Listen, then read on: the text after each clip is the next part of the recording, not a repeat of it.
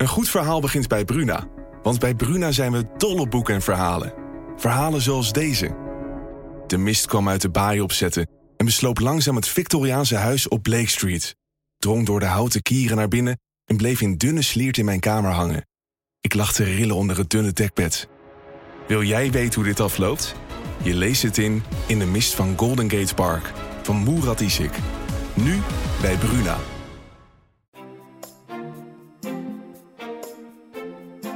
Dit is Kwestie van Centen, een podcast van de Financiële Telegraaf.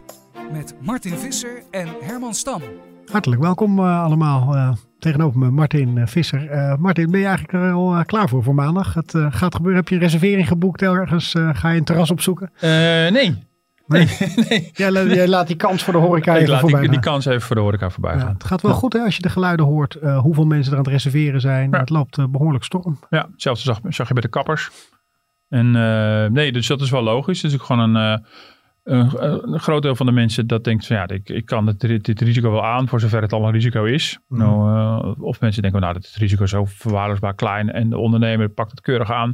Dus ik ga het gewoon doen. En er zullen mensen zijn die afwachtend zijn. Dat, dat, dat zal je zien. Wij wachten even af. Gaat het uh, wat opleveren voor de horeca? Want je hoort al geluiden van deze maand moet het dan ook meteen maar worden. Ja. Maand juni. Uh, hoe, hoe, kijk jij daar tegenaan? Ja, nou ja, het, ja, vergeleken met de maand mei uh, zal het in ieder geval... dat, ja. dat, is niet zo moeilijk te voorspellen. Ja, nee, natuurlijk. Dus het is wel een maand van herstel. Dus het is, ja, ik, ik, kan me voorstellen dat de horeca hier ontzettend naar uitkijkt. Uh, ondanks alle beperkingen. En, en, je ziet ook wel dat gaandeweg in de protocollen er ook al wat pragmatisme is ingeslopen. Hè? Die anderhalve meter is gaandeweg wat minder heilig geworden. Dat zie je op verschillende plekken nu gebeuren. Dus um, ja, nee zeker. Dit gaat natuurlijk, dit moet natuurlijk wel een, een, klapper worden. Niet van ik wil de horeca eigenlijk al de hele, hele Pinkster weekend open. Nou goed, dat, dat zag het kabinet en vooral de veiligheidsregio zagen dat niet zitten. Mm -hmm. maar dit is natuurlijk wel van belang. En dan is dat dit is, en dan ja, in het begin zal er wel een enorme piek zijn. Um, en dan heb je ja goed, het zomerseizoen is natuurlijk prachtig weer allemaal. Dus dat is, dat is uh, heel gunstig. Maar gaandeweg moet er wel blijken van wat is dan de, ja, de, de meer structurele omzetval. Dus mm. uh, vergeleken van, uh, met, de, met een zomer van vorig jaar. Ja, nou ken ik je uit de Brusselse tijd als een behoorlijke Bourgondier. Heb je het nou expres uh, niet gedaan om wat af te vallen? Of heb je nog angst voor... Nee, dit klinkt alsof ik een enorme zuipschuit ben. maar nou ja, ik weet niet. Ik... Um, uh, aan de ene kant lijkt me heel erg lekker. Ja, ik weet niet, ik wacht gewoon even af. Ik ben wel bij de kapper geweest, bij de tandarts geweest. En, uh, maar uh, ja, ik wacht gewoon even af. Mm. Ik wil het ook gewoon even zien bedoel, hoe dat aangepakt wordt. En dat, dat is het vooral. En ik, ja, als ik op het terras ga zitten, zit ik meteen met een heel gezin met, met vier, met twee, met twee jonge kinderen. Dus ik wil het gewoon even zien. Aan de ene kant lijkt me heel lekker. Terras zie, zie ik eerder zitten dan uit eten. Ja, is een beetje eerst zien dan geloven. Even, even kijken of, of, of nou, de, de, de, het restaurant of, of, of weet ik veel, de kroeg waar je dan heen gaat het ook echt serieus aanpakt. Um, um, um, nou, even zien hoe dat er dan uitziet. Ik vraag me zelf een beetje, ik zou wel graag willen zien hoe dat het uit eten bijvoorbeeld is binnen. Is het nou echt wel gezellig? Of, of ben je zo met, met je hygiëne en je veiligheid bezig dat het ook een beetje de, de lol ervan afhaalt? Ja. Dat weet ik gewoon niet zo En zo'n shift en hup, na een uur moet je weer vertrokken zijn. Ja, ja. dat. Ik las ook weer berichten, ook, ook op onze website, over hoe bijvoorbeeld dat ermee gaat voor de vakanties en zo. Ik heb dan zelf een vakantie in Frankrijk gewoon geannuleerd, want het duurde me allemaal veel te lang. En nu nou, gaan die grenzen wel open, maar dan zie je ook, uh, ook wel uh, campings die zeggen, nou het zwembad, daar mag je dan 20 minuten in. En tussen 12 en 1 is het weer dicht vanwege hygiëne. Mm -hmm. Ja, ik, ik moet er allemaal nog even met je aan wennen. Dat zal het ja. zijn. Maar ik bedoel, ontneemt het ook wel op voorhand een beetje de lol. Ja. Snap je de regels eigenlijk allemaal wel? Het is zo verwarrend wat je dan wel mag, met wie je mag gaan. Is nee, bij jou nee, ik snap er van, van de horeca? Nee, maar goed, als je daar uh, weet ik, bijvoorbeeld op Twitter vragen over stelt, dan vinden sommige mensen een enorme. Ja. Maar uh, nee, ik, ik, begrijp het niet zo goed. Nou, uh, ik begrijp de logica. Dat, ik snap ook wel, dat is ook gewoon bijna niet te doen. Het is ook bijna niet te doen om dat allemaal helemaal totaal coherent te krijgen. Maar uh, ja, dat het nu toch weer ruimte is om, of nee, dus minder ruimte, maar om die anderhalve meter, uh, die hoeft dan in een bepaalde gevallen in de horeca dan weer niet helemaal gehandhaafd te worden. Ik begrijp het niet helemaal. Um, in het vliegtuig ook niet, dan moet je een mondkapje op. Nou, ik ga echt voorlopig het vliegtuig niet in. Ik ga niet eens een tram in. Nou, uh, heb ik helemaal geen behoefte aan. Is een beetje, wat voor mij een beetje de maatstaf is, maar dat is allemaal heel persoonlijk. Hè? Dat, dat mag iedereen moeten voor zichzelf bepalen. Is de maatstaf, heb je er zelf enig grip op of je al dan niet in een, in een situatie belandt waar je uh, onprettig bij voelt. Daar heeft het mee te maken. Dus ik kan me voorstellen, als ik zie bij ons om de hoek van nou, dat is een, een klein koffietentje met een heel klein terrasje. Denk, nou, daar is natuurlijk niks in de hand. Nou, Maar als je eh, bij een tram of bij een vliegtuig of, of misschien bij een heel groot restaurant misschien ergens in verzeld kan raken, denk je, ja, dit vind ik niet prettig. Mhm. En dan zit je daar, eh, dus dat ontloop ik op dit moment een beetje. Ja, helder. Waar je, welke regel je hopelijk wel heel goed nu weet, of misschien is het ook nog wel onduidelijk, maar de, de ontslagboete. Hè? Er was heel veel gedoe over. We Ja. hadden vorige week natuurlijk hier eh, met FNV tweede man uh, Tuur Elsinga over. Eh, de ontslagboete die zou eh, geschrapt worden. Ja. Eh, er is toch wat verandering gekomen deze week. Hoe zit het nu in elkaar? Welke bedrijven krijgen nu wel een boete, welke bedrijven Ja. niet? Nou, ik ben in ieder geval blij dat er compromis is eh, gekomen. Want ik schreef Mhm. vorige week in de krant dat ik compromis in maken. En toen, daarna ging het helemaal mis. Ja. Dat heb je wel eens vaker. Hè? Dan, eh, dan, Uiteindelijk eh, had je gewoon gelijk. Ja, uiteindelijk gewoon gelijk. Precies. dus, dat- nou, waarvan akte. Mhm. Maar ehm, nou, de uitkomst is wel verrassend. Want we hadden over de groepsapp er allemaal druk over. Toen lekte dat op een gegeven moment s'avonds heel laat uit. Ik, bedoel, ik werd nog eh 11 uur, 12, half 12 nog gebeld door de parlementaire redactie. Wat hoor je uit de polder? En nou, ben ik nog heel driftig heen en weer gebeld. s s'avonds tussen 11 en 12 en, en geappt en gedaan. Maar de uitkomst is in die zin verrassend. Dat eh, eh, de boete is in principe geschrapt. Eh, maar dat betekent wel dat bij bedrijven die meer dan 20 mensen willen ontslaan, 20 of meer mensen willen ontslaan, die, die moeten van de wet al in overleg met een, met een vakbond voor een sociaal plan. Maar dat wordt nu echt afgedwongen. Er moet echt een akkoord komen. En als het akkoord er niet is, dan komt er alsnog toch een boete. Je kan ook wel zeggen, de boete is er nog wel. Maar goed, het is net welk frame je kiest. Mhm. Maar ik denk dat veel bedrijven ervoor zullen gaan kiezen om een akkoord met een vakbond te sluiten. Eh, en het verrassende is Het alleen... geeft de vakbonden een enorm podium weer. hè? Dus Zeker, zeker. En dit was natuurlijk van Metafaan de, de, de, de bedoeling ook van die vakbonden. Die wilden ergens een voet tussen de deur hebben. En tegelijkertijd wilde minister Koolmees niet de wet op, eh, op het collectief ontslag wijzigen. En daar hebben ze nu wel iets op gevonden. Dus ze wijzigen wel de voorwaarden van, eh, van die NOW-regeling. Die bedoeld is voor de tegemoetkoming en loonkosten. Maar ze hoeven dus niet die wet een melding collectief ontslag te wijzigen. Daar had Koolmees allemaal geen trek in. Dat begrijp ik wel. Je wil het zoveel mogelijk binnen de bestaande wetgeving doen. Nou, dat hebben ze handig bedacht. Het verrassende is dat in het oude systeem zou je, als je iemand ging ontslaan, moest je natuurlijk eh, die loonsteun van die persoon terugbetalen, 100%, plus nog eens een keer de helft erbovenop, 50% boete. Dus dan betaal je 150% terug. Nu gaat die boete, eh, die wordt 5%, maar die gaat niet over het loon van die mensen die iemand ontslaan, en die gaat over de totale NOW-steun. Ehm, nou, voorbeeld, als jij eh, duizend eh, man in dienst hebt, je ontslaat er 20, Ehm, eh, bij het oude systeem zou je dan een boete moeten betalen van 50% over die loonsom van die 20. Mhm.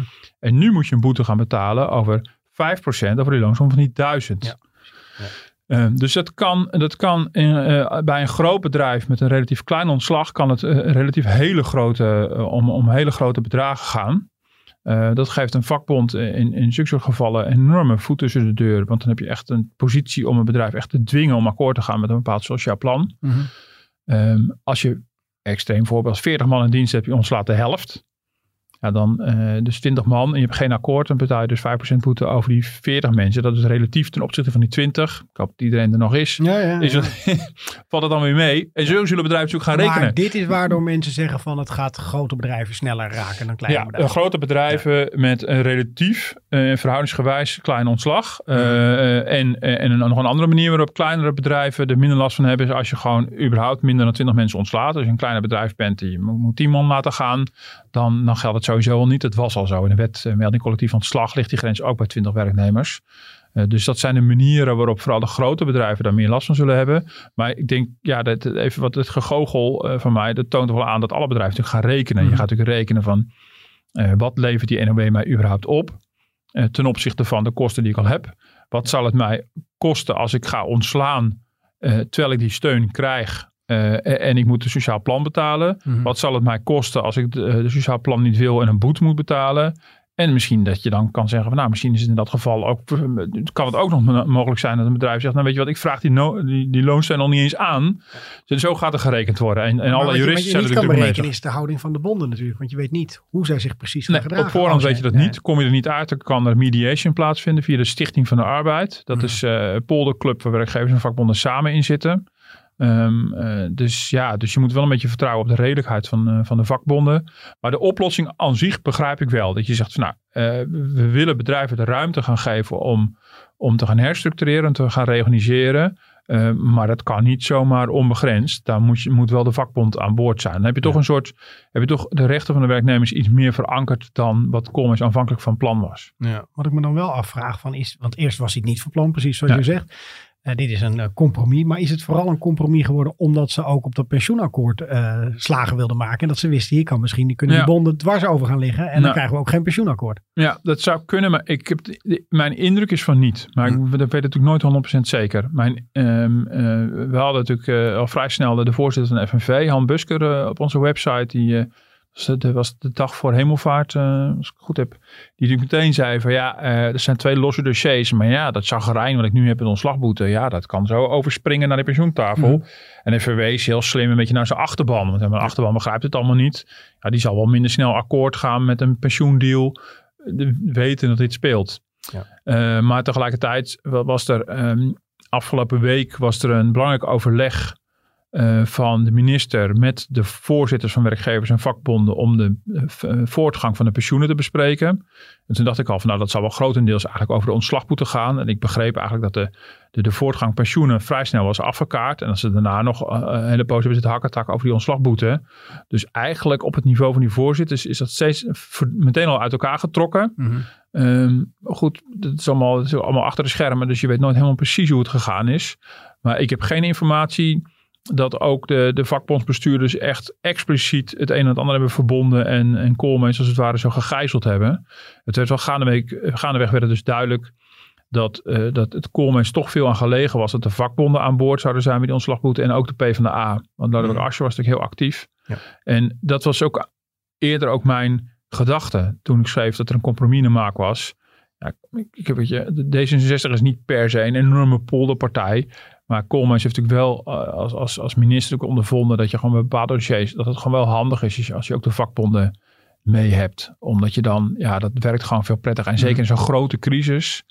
Uh, ze overleggen eens in een week over, over de aanpak van de crisis ja, wil je niet, dan wil je niet een gesodemieter hebben. En, en ze vonden het ook van belang, en dat heel begrijpelijk, dat er een breed politiek, politiek draagvlak is. Ja. Dus moest Asscher ook aan boord komen. Hebben die vakbonden wel genoeg uh, mensen om eigenlijk, want ja, er worden nog wel wat ontslagen verwacht, dat ze ja. zich ook uh, uh, beschikbaar zijn om hier met ze te gaan onderhandelen? Hebben ze wel op alle plekken daar genoeg mensen voor? Nou, dat is een goed punt. dat weet ik eerlijk gezegd niet precies. Mm. kijk, op zich is het natuurlijk wel zo dat de vakbonden daar waar ze veel leden hebben, natuurlijk allemaal bestuurders hebben. Zijn natuurlijk breed vertakt. Mm -hmm. ze zien eerder te veel mensen dan te, te weinig. En als je ook gewoon kijkt hoe die organisatie staat, dan moet ook ja. nog het een en ander gebeuren bij de FNV. Ja, dan hebben ze ook wel eens dus, een ontslagrondes toch ja, uh, ja, ja, Nee, maar dat is wel een goed punt. Door als er relatief veel, uh, veel ontslagen gaan vallen in bepaalde sectoren, wat wel logisch is, want de crisis raakt niet alle sectoren hetzelfde. Dan zou dat natuurlijk een, een issue kunnen zijn. Maar goed, mm -hmm. dat moeten we wel goed scherp in de gaten houden. Ja, even in het algemeen, hè. we hebben vaker uh, uh, discussie, zeg ik dan. volgens mij zie, zie, ik het altijd iets rooskleuriger in van hoe lang deze crisis gaat, noemen, gaat ja. duren dan jij. Ja. Hoe, um, hoe denk je nu dat we ervoor staan, even in het algemeen? Je krijgt die geluiden, we hebben het erover gehad. Maandag gaat weer de horeca open en wat andere de, sectoren. Hoe staan we ervoor in het algemeen volgens jou? Heel slecht. Ja. ja. je, je, hebt geen hoopvollere boodschap van, nee. hey, ik zie al wel wat keren. Nee. Ik zie wel positievere nee. geluiden uit Duitsland komen. Of... Nee. Nee. nee. ik zou dat niet zien. Ik bedoel, bedoel, het eerlijke antwoord is, ik, ik weet het niet. Ik bedoel, mm -hmm. Dat is natuurlijk het alle, dat is ook eigenlijk het eerlijke antwoord. Ik, bedoel, ik zeg het een beetje expres, een beetje plagerig. Mm -hmm. Maar uh, um, uh, ja, nee, dit, het, ik, ik baseer me gewoon een beetje op de consensus bij de, bij de economen, de voorspellers en analisten. Want ik weet dat zelf natuurlijk ook niet precies. Ik bedoel, mm. je, moet, je zit met elkaar al die informatie en die kennis te delen. En ik, ik, ik, ik zie hoe anderen het wegen. En ja, als je ziet dat de afgelopen het is het twee weken de consensus in Nederland heel duidelijk is geworden. Nou, die, die V-recessie zit er gewoon echt niet meer in. Die harde klappen omlaag, we stuiten net zo hard weer terug omhoog.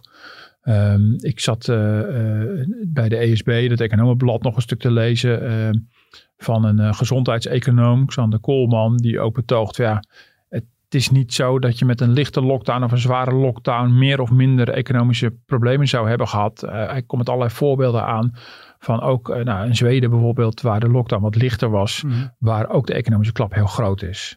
Kijk, het, de, de, de omzetverliezen van 80, 90, 100 procent in de horeca, ja, dat ligt straks achter ons. Uh, nou goed, dat is tijdelijk en voor die ondernemers ongelooflijk heftig. Maar de, de, de echte om van de, van, van de crisis gaan we dus daarna merken. Uh, en nou goed, deze, deze man in de ESB wijst er ook op van al voor de lockdown zag je de eerste, de eerste tekenen. Na de lockdown gaan we natuurlijk echt goed zien wat, wat de, de echte effecten zijn. Het consumentenvertrouwen heeft natuurlijk een klap gekregen. Dat kan misschien weer een beetje herstellen als die lockdown is opgeheven. Maar ehm, nou, zo praktisch als we begonnen met het terras. Um, dat voor een bepaald deel van de bevolking, die dan denken van nou prima, we gaan alles weer doen binnen de normen en we mm. pakken alles aan. Maar er zullen ook relatief veel mensen zijn die of afwachtend zijn, zoals ik, of, uh, of die misschien helemaal niet komen, omdat ze van zichzelf denken of weten dat ze tot de risicogroep behoren.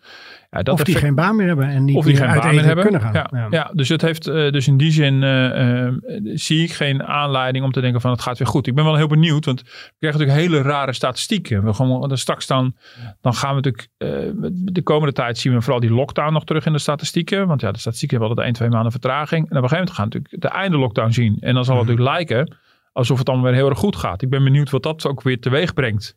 Ja. Um, um, ik vermoed dan dat we hier op de krant ook zo'n discussie krijgen. Mm -hmm. uh, uh, van ja, maar dat is toch hartstikke goed nieuws als het weer goed gaat. Maar ja, goed. Dat, uh, dus ik ben, ben, ben, wel benieuwd. Maar dit, dit, ja, dit, is natuurlijk, dit is een tijdelijke fase. En daarna ga je naar een meer structurele fase waarvan je niet weet hoe lang die duurt. En ik vind het ook ingewikkeld inmiddels om, dat, dat, zou, dat zou misschien de, de plus kunnen zijn je ziet nu wel her en der dat die anderhalve meter ter discussie begint uh, te komen. Uh, niet alleen door de mensen die van meet af aan tegen de hele strategie waren, maar ook gewoon breder. Ik zag van de week een gezamenlijk advies van uh, Centraal Planbureau, Sociaal Cultureel Planbureau en Planbureau voor de Leefomgeving. En die hebben het kabinet geadviseerd, hou nou eens op over dat nieuwe normaal, die anderhalve meter samenleving. A, is het geen goede manier van communiceren, want het is niet normaal en dat is niet structureel, maar mm -hmm. tijdelijk. Ja, eh, ja en, en die anderhalve meter is gewoon niet echt houdbaar. Um, kijk, als het nou zo zou zijn dat we gewoon, ja, gewoon toch in de loop van de maanden anders omgaan met het gezondheidsrisico. En misschien weer iets normaler gaan doen met z'n allen. En op de koop toenemen dat dan sommige mensen ziek worden. Ik weet het mm -hmm. niet.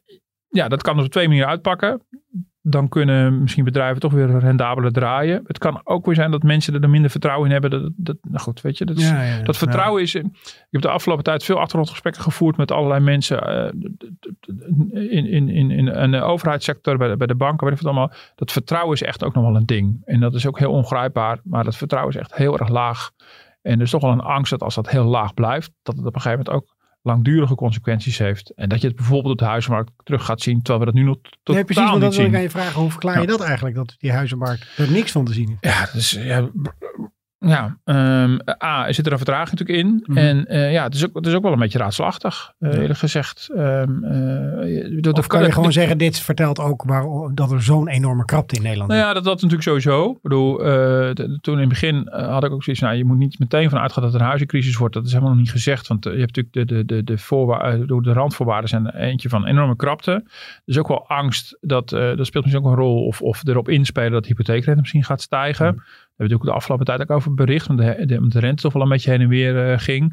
Dus dat zou een rol kunnen spelen. Maar normaal gesproken bij de extreem lage consumentenvertrouwen zoals we dat nu zien, zou je verwachten dat op een gegeven moment de huismarkt er ook de effecten van gaat zien. -hmm. Um, ja, dat is echt een kwestie van de komende maanden om dat aan te kijken hoe dat, uh, hoe dat door gaat werken. Ja, en de beurs, we hebben het natuurlijk vaker over, ja. die lijken al wel een soort voorschot te nemen op van het komt eraan, het, uh, ja. het keren van de tij, laat ik het zo ja. zeggen. Ja, ja, nou is het ook alweer gemengd. Ik zag ook wel analyses die kijken ook gewoon echt door die indexen heen. Van uh, kijken ze naar bedrijven, bepaalde sectoren. Het is niet overal... Hosanna. Het hangt ook een beetje vanaf naar welke index je kijkt. Of, of het echt wel enorm herstel is. Of dat het weer een beetje vlakker gaat zijn. Ja, daar, ja, het is natuurlijk, nou, bedoel, die beurs lijkt in die zin ook wel een beetje losgezongen van de realiteit soms. Dat kan te maken hebben met, met de centrale banken. Die, uh, die zorgen dat met die extreem lage rentes en het opkopen van obligaties, dat iedereen richting aandelen wordt geduwd. Dat zou een rol kunnen spelen. Um, uh, een, een, wordt ook wel geopperd uh, dat het te maken heeft met heel veel particulieren die zijn ingestapt. ik vind dat moeilijk. Ik weet niet of dat echt waar is, maar dat lijkt me een heel raar moment om in te stappen. Maar goed, het, het, het, geld dat uitgedeeld is in Amerika. Uh, mensen die in deze tijd geld overhouden omdat alles dicht is. Mm -hmm. Ik weet niet of dat helemaal een verklaring is. Maar, uh, maar ja, goed. Ik zou uh, als, als beginnende belegger nu ook wel heel, heel voorzichtig zijn. Um, maar je weet het gewoon niet. Er zit heel veel onzekerheid in de markt. En meestal houden uh, beleggers daar niet van, van die onzekerheid. Maar waar moet je nu heen met je beleggingen? Dat is ook, met je, dat is ook een belangrijke driver. Bedoel, waar moet je heen met je geld? Ja. Ja, nou, bijvoorbeeld uh, aan Nederland uh, uitlenen. Dat, uh, ik zag deze week ook weer een bericht dat we weer geld toekregen voor de 5 miljard ja. ophalen. Dat was binnen vijf minuten gepiept, geloof ik. Ja, ja nee, dus voor ja, Hoekstra met zijn diepe zakken, dat, die verdient op zijn diepe zakken. Dat is natuurlijk ongelooflijk, ja. ja. En ik ben ook benieuwd hoe dat gaat keren op een gegeven moment. Als, als de staatsschuld zo hard gaat oplopen. Kijk, daar zitten we allemaal nog niet als Nederland. We zitten nog redelijk aan de safe kant. En we weten ook dat de, dat de centrale bank natuurlijk zijn opkoopprogramma enorm heeft uitgebreid. Um, dus, dus, in die zin, dat, dat houdt die rente dus ook, ook heel erg laag. Nee, voor, voor, uh, ja, voor Hoekstra, Hoekstra is het natuurlijk gratis, uh, gratis geld op te halen. Ja. Het is een mooi bruggetje naar een ander de, de favoriet onderwerp van ons, volgens mij Brussel. En daar was ja. ook wel wat over te melden deze week. Zeker.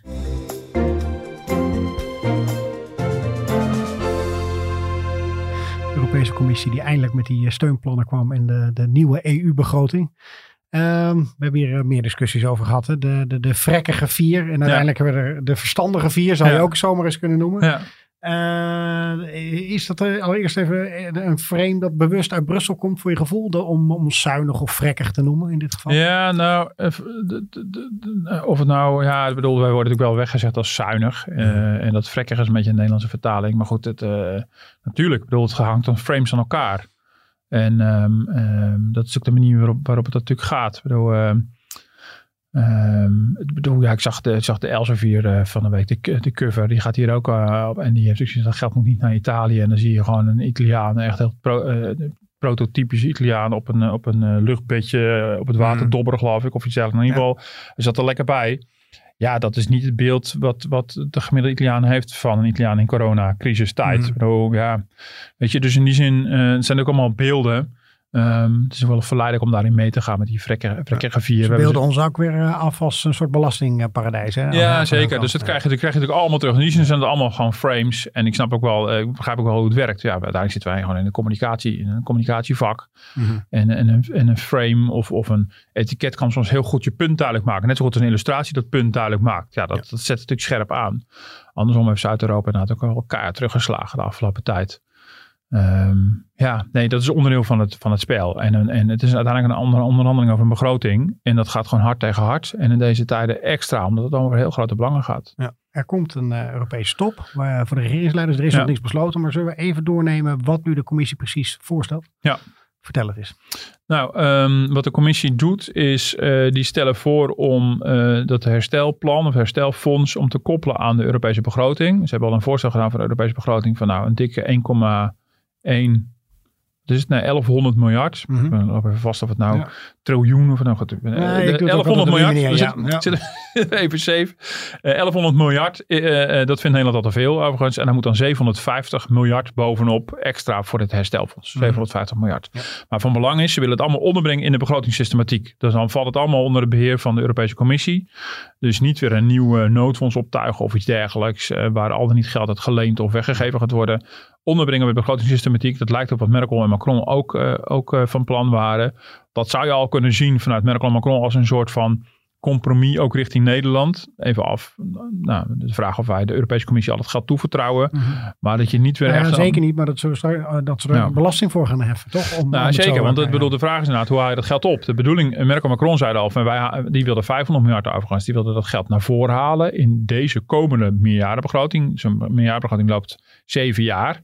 Uh, dan zou je dus een wat hogere begroting krijgen dan Nederland wil. Maar die 500 miljard, die trek je naar voren. En die komt dan op een later moment alsnog weer uit die begroting. Maar de hmm. Europese Commissie heeft gezegd, die 750 miljard komt inderdaad uit de begroting. Maar niet uit de komende begroting.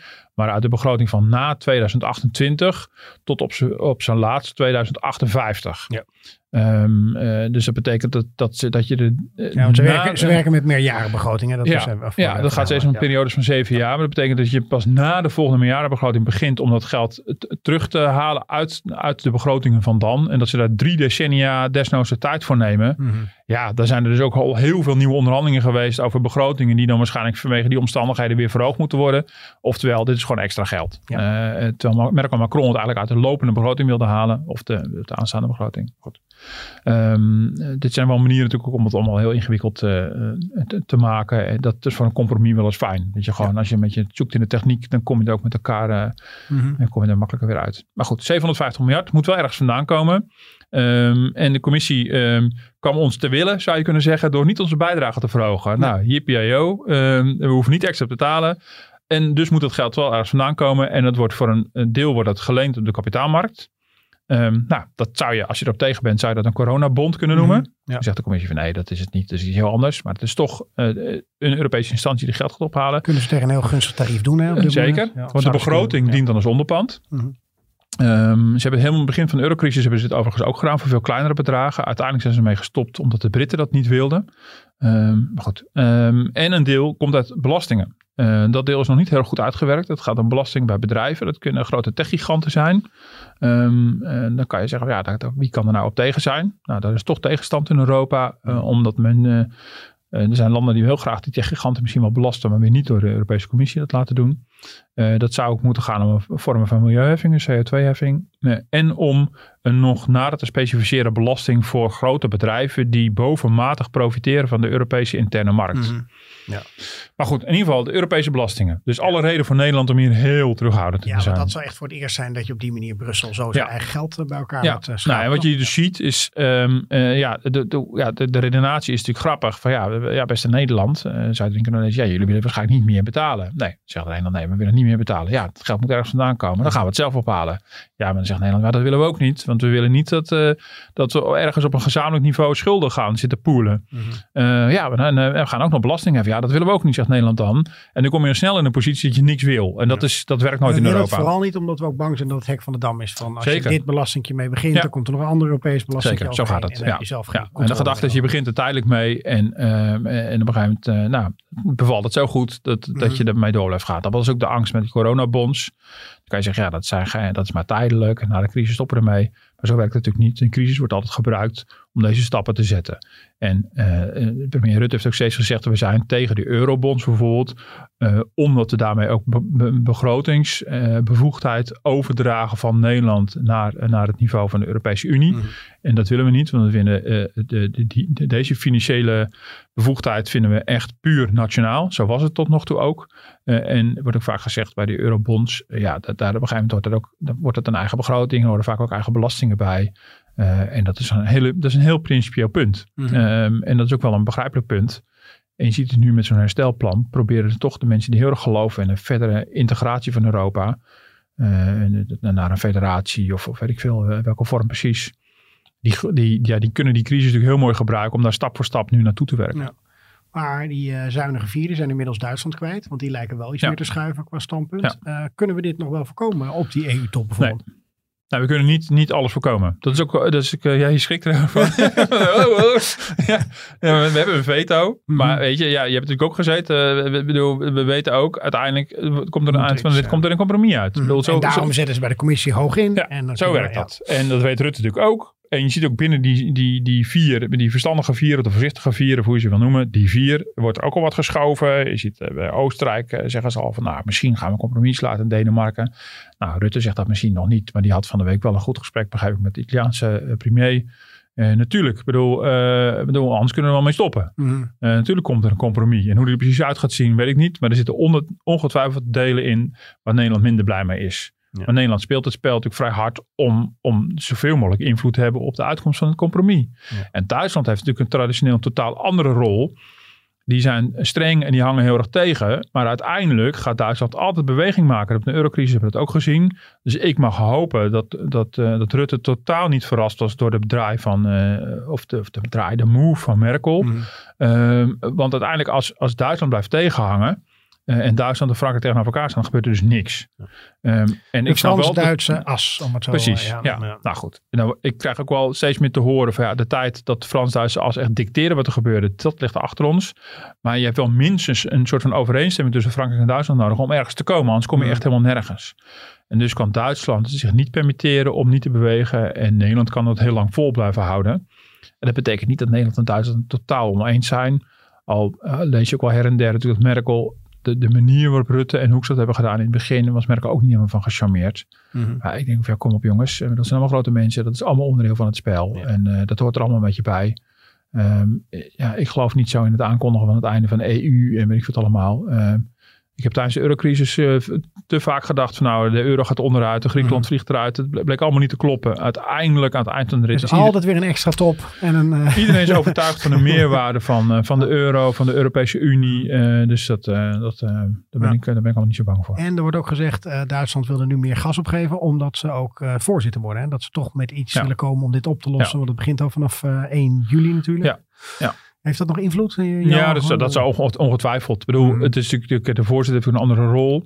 De voorzitter moet natuurlijk de deals maken en partijen bij elkaar brengen. Dat speelt ongetwijfeld een rol. Maar het is ook gewoon traditioneel de rol van Merkel. Bedoel, eh, en in het verleden was het natuurlijk wel zo'n rolverdeling dat Merkel dan uh, toegevelijk was en Schäuble uh, nou, uit de oude doos, uh, de minister van Financiën, dan nog hele stoere dingen ging roepen. inmiddels heeft hij niet meer die positie, maar heeft hij nu wel mee bemoeid. En ook, ja, is ook aangedrongen van de beste Duitsers ga je nu achter dit, achter dit plan. En het plan mhm. van Merkel en Macron heeft al wat weg van het plan van de Europese Commissie.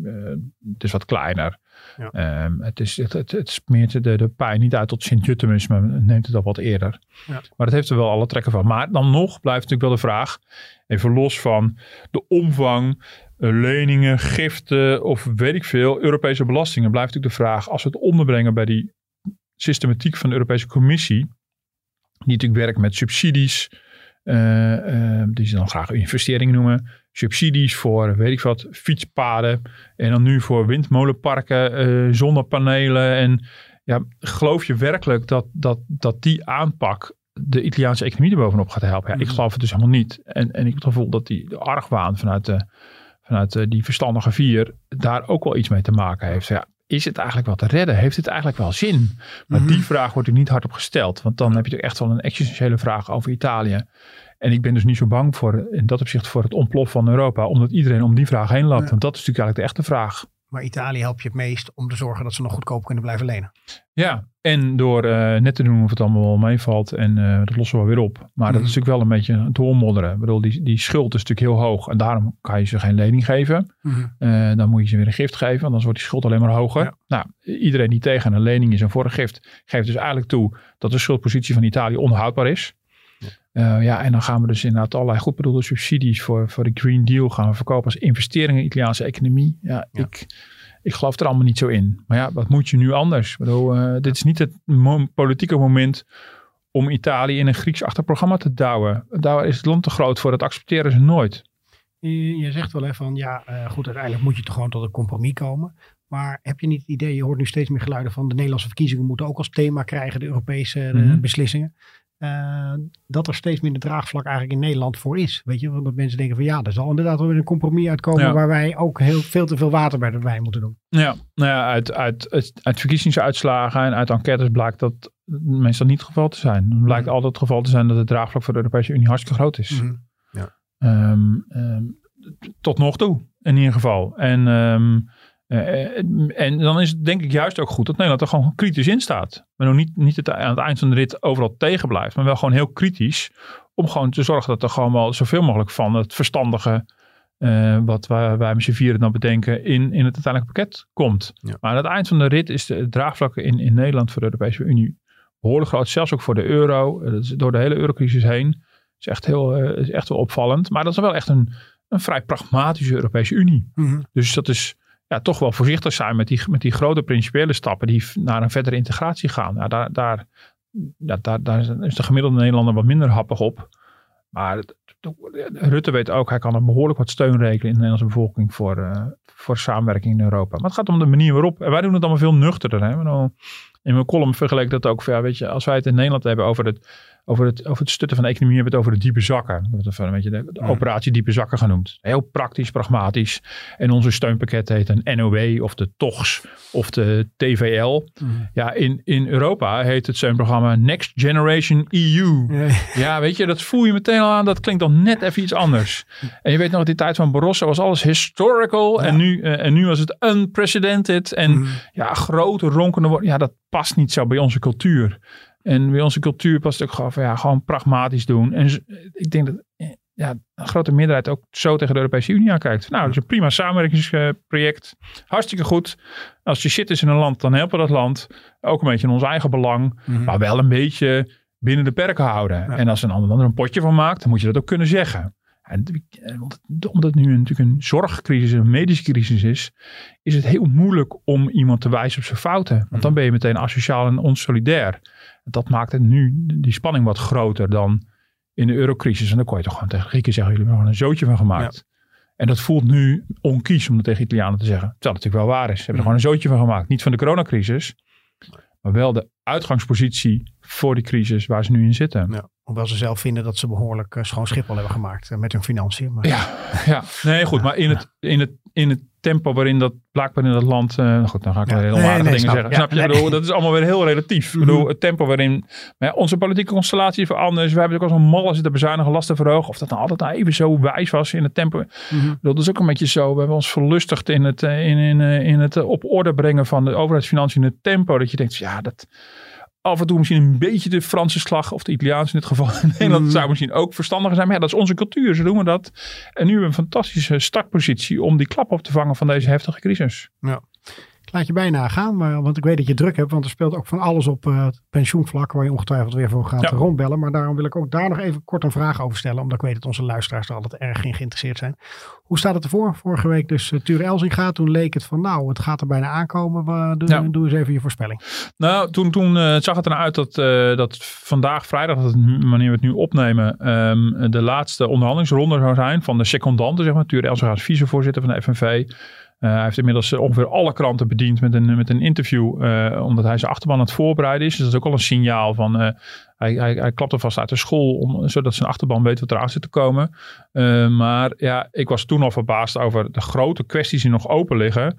Nou, inmiddels komen ze ook achter van, oh ja, die kwesties zijn wel zo ingewikkeld en zo groot, we hebben toch nog iets meer tijd nodig. Mhm. maar ja, het zit wel in een finale fase. We zijn het met elkaar eens over het soort contract, waarbij er gewoon veel meer onzekerheid zou zijn over de uitkomst van je pensioen. Maar er zijn nog wel wezenlijke vragen te stellen over alle, alle inkomenseffecten, de compensatie daarvan. Als we overstappen van het ene systeem naar het andere, uh, moeten we verplicht over of krijgen pensioenfondsen de, de keuze om wel of niet over te gaan? Uh, gaat er nog gekort worden voordat we overstappen naar het hmm. nieuwe systeem? Allemaal echt wel hele heftige kwesties die ook weer zo technisch en principieel tegelijkertijd kunnen zijn. Um, ja, dat, ze, zijn nog even, ze zijn nog even zoet. En de berekeningen zelf, hè? want daar wordt uh, naar gekeken door het CPB van hoe pakt het nou uit per persoon en zien we daar hele rare uitschieters ja. tussen. Nee, en uh, het Centraal Planbureau had eerst een voorlopige berekening gegeven. Op basis daarvan zei uh, de FNV met behoorlijk wat stelligheid. Nou, wij, wij zien eruit dat eigenlijk iedereen werkend en gepensioneerd daar als ze overstappen naar een nieuw model op vooruit gaan. Ik heb inmiddels ook al een aantal mensen gesproken. Zeggen, nou, dat vinden we nog wel een stevige claim. Ja, ik heb die cijfers niet gezien, dus we mm. moeten het echt toeschrijven aan de FNV. Dat, dat zal onderdeel zijn van het spel. Uh, maar uh, gisteravond hebben alle onderhandelaars, of gistermiddag hebben alle onderhandelaars een enorm pakket papier gekregen van de pensioenfederatie. Er zijn twaalf pensioenfondsen. Die hebben ook gerekend. En die kijken niet, niet macro, zoals het Centraal Planbureau dat doet, maar die kijken echt veel meer micro per fonds. En wat betekent het voor verschillende soorten deelnemers? Nou, uh, de mensen die ik sprak, die hadden dat allemaal nog niet kunnen lezen. Ook apart. En dan krijg je dus als voorbereiding voor de vergadering krijg je een pak van uh, uitgedraaide Excel sheets. Nou, je weet mhm. hoe groot een Excel bestand kan zijn. Uh, dat kan oeverloos en oneindig zijn.